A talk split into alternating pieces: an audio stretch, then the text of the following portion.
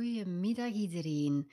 Het is zondagnamiddag en heel slecht weer buiten en ik had goede inspiratie, dus ik dacht, ik ga nog even een podcast opnemen. Dus het gaat een beetje vooruit moeten gaan, want ik ga zelfs met mijn man zit niet uit eten. Eh, dus ik ga mijn best doen om in één keer een goede opname te doen. Wish me luck. nu, vandaag gaan we het iets anders doen. Ik ga jullie in deze dertiende aflevering vertellen hoe het niet moet, in plaats van tips te geven rond wat dat je graag wel wilt doen om je doelen te bereiken. Ik wil het namelijk vandaag met jullie hebben over drie valkuilen. Drie dingen die je vooral niet wilt doen als je graag met succes wil afvallen of wat gewicht wil verliezen. Het eerste wat je vooral niet wil doen, is je laten verleiden tot een quick fix in de vorm van een crashdieet. Als jullie eh, de vorige afleveringen ook hebben beluisterd, dan weten jullie ondertussen dat een gezond en een duurzaam gewichtsverlies uh, ongeveer een halve kilo tot maximum 1 kilo per week bedraagt. Dat wil zeggen, elk dieet wat dat dus snelle resultaat belooft, dat mag je wantrouwen dus dat geldt ook voor alle crashdiëten. Elk dieet wat dat dus sneller resultaat belooft dan een halve kilo tot een kilo per week af te vallen, dat mag je wantrouwen. Want wat gebeurt er bij crashdiëten? Die leveren nu misschien op de korte termijn wel resultaat op, maar niemand kan die volhouden. Want je legt jezelf zoveel beperkingen op, die zijn zo strikt en zo streng dat niemand dat kan volhouden. En daarnaast is het ook zo dat ze op de lange termijn alleen maar problemen opleveren.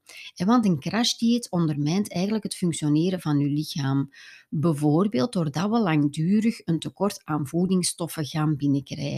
Als we langdurig te weinig eh, voedingsstoffen innemen, dan gaat het eigenlijk op die manier het functioneren van je lichaam ondermijnen. En dan uh, gaat het eigenlijk op lange termijn, wat dat het afvallen betreft, geen resultaat meer kunnen boeken. Nu, binnen mijn traject zie ik dagelijks de gevolgen eh, van zo'n crashdieet. Wat zie ik dan gebeuren? Heel regelmatig merk ik ehm, dat het lichaam van vrouwen tijd nodig heeft om weer te herstellen. Dus deze vrouwen willen graag afvallen en die boeken binnen het coachingstraject meestal heel snel resultaat, wat bijvoorbeeld uh, meer energie krijgen betreft, hè? of ook wat dat het verminderen van bepaalde lichamelijke klachten betreft, hè? zoals bijvoorbeeld een opgeblazen buik of zo. Maar soms gebeurt het dat het afvallen wat langer uitblijft, hè? dat eigenlijk het afvallen niet direct op gang komt. En meestal betekent dat dat eigenlijk je lichaam te lang, te zwaar werd belast dat je eigenlijk al een lange periode van crashdiëten achter de rug hebt, dat je daarmee je lichaam eigenlijk uh, een lange tijd zwaar hebt belast, doordat eigenlijk je lichaam een, een hele periode te weinig voedingsstoffen heeft gekregen om goed te kunnen functioneren. En waarmee dus op de langere termijn het functioneren van je lichaam in het gedrang is gekomen. Dus zo'n crashdieet, lijkt een quick fix, een snelle oplossing. Op de korte termijn kan dat inderdaad die indruk geven of kan dat u wel snel resultaat geven, maar weet op de lange termijn dat het alleen maar problemen oplevert. Dus laat u daar vooral niet toe verleiden. Wat is een tweede fout die je, die je kunt maken? Dat is eigenlijk allerhande tips en tricks volgen zonder dat de basis in orde is. Een nieuwe klant van mij uh, vertelde eerder deze week hè, bijvoorbeeld dat ze alle uh, tips uit mijn podcast wel had opgevolgd, maar dat ze toch nog geen gewicht was verloren. En dat is normaal, hè, dat heb ik tegen haar ook uitgelegd. Als je graag met succes en blijvend gewicht wilt verliezen, dan is daar eigenlijk een gestructureerde aanpak voor nodig. Een soort van, van stappenplan als het ware. Hè. En dat stappenplan begint altijd met de basis, want die basis moet in orde zijn vooraleer dat je verder kunt gaan. Wanneer de basis van je voeding niet in orde is, dan gaat het zelfs met de allerbeste tips onvoldoende resultaat boeken. Om dan een voorbeeldje te geven, stel je volgt al mijn tips rond ontgifte goed op. Hè. Mocht je die gemist hebben, ga dan zeker uh, eens luisteren naar de vorige afleveringen die, die ik heb opgenomen. Hè. Um, maar stel je volgt al die tips op rond ontgifte, maar ondertussen bent jij dagelijks nog wel bijvoorbeeld meermaals geraffineerde koolhydraten aan het eten. Hè. Bijvoorbeeld uh, misschien bestaat je ontbijt uit uh, een paar witte boterhammen met kaas. Hè. Of gebeurt het regelmatig dat je je 's middags een broodje eet op het werk, of eten we vaak, eh, 's avonds pasta bijvoorbeeld, hè, of wat koekjes tussendoor of chocolade tussendoor. Ja, als uw basis van uw voeding niet in orde is, dan kan ik hier in mijn podcast de beste tips en adviezen meegeven, maar dan gaat je daar nooit het gewenste resultaat mee bereiken. Dat is ook de reden waarom dat we binnen het coachingstraject altijd beginnen met die basis. Dat is eigenlijk noodzakelijk om dan daarna te kunnen op verder bouwen en ook extra interventies mee te geven die u dan gaan helpen om optimaal gezond uh, te zijn.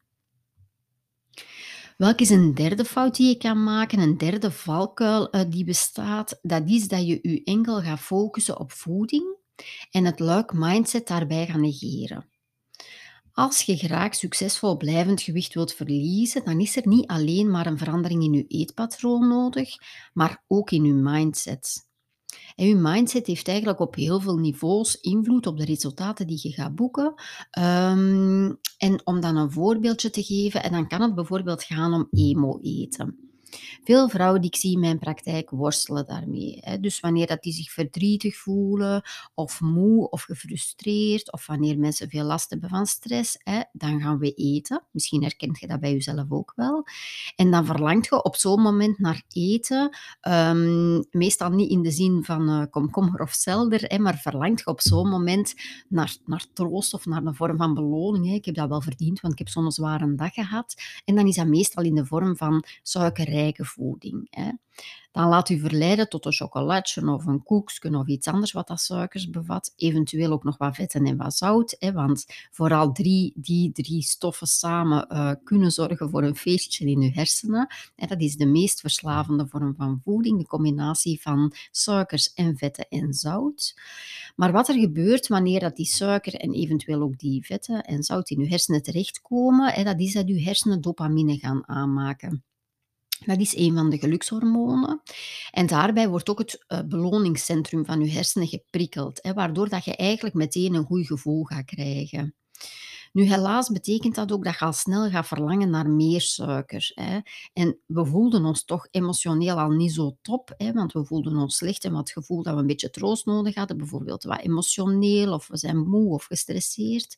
Dus wat gebeurt er? Hè? We verliezen gemakkelijker de controle. We gaan te veel van de foute dingen eten, ja, waardoor dat je achteraf dan emotioneel ook weer heel slecht gaat voelen.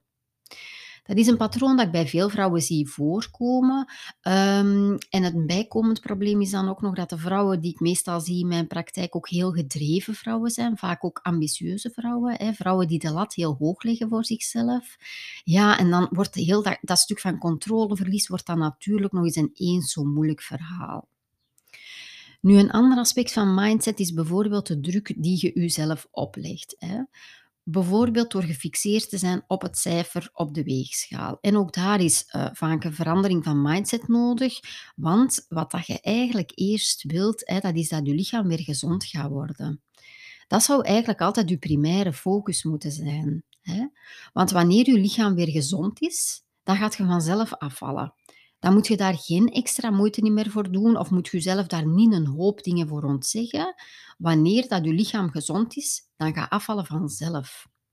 Want wanneer dat je lichaam gezond is, dan kunt je jezelf bijvoorbeeld ook, ook eh, terug heel wat verwennerij gunnen. om dan een voorbeeldje van mezelf te geven. Ik kom bijvoorbeeld niet meer bij wanneer dat ik een weekend heb gehad waarin dat er toch wel eigenlijk iets te veel ongezonde keuzes zijn geweest. Misschien ben ik in een avond gaan uit eten en heb ik daar steek met frietjes gegeten. Misschien was er ook nog een dame blanche achterna. En het zou ook kunnen dat we dan een glas wijn daarbij hebben gedronken. En misschien is een dag daarna in dat weekend er dan een um, waar, dat het ook niet, waar dat het niet mogelijk is om uh, gezonde keuzes te maken. En misschien wordt er op dat feestje vooral hamburgers of hotdogs geserveerd. Hè. Wat gebeurt er dan? Ja, ik kan mij niet optimaal goed voelen. Hè. Dat is dan vooral energiegewijs uh, dat ik dat dan heel erg ga voelen. Maar ik kan daar niet van bijkomen. Ik kan daar geen kilo van bijkomen. En mijn lichaam gaat dan gewoon wat harder werken en hop, het is klaar. En dat is hetgene wat dat jij ook graag wilt bereiken. Hè. Um, en dat krijg je door eerst ervoor te zorgen dat je lichaam uh, gezond wordt en dan gaat afvallen vanzelf gaan. Dus het weer gezond uh, maken van uw lichaam, dat zou eigenlijk altijd uw voornaamste focus moeten zijn.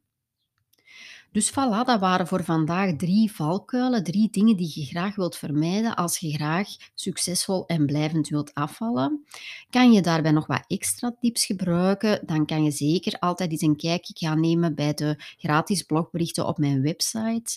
En mijn website is www.leefgezondleefgelukkig.be. Dank je wel voor het luisteren en nog een hele fijne zondagavond.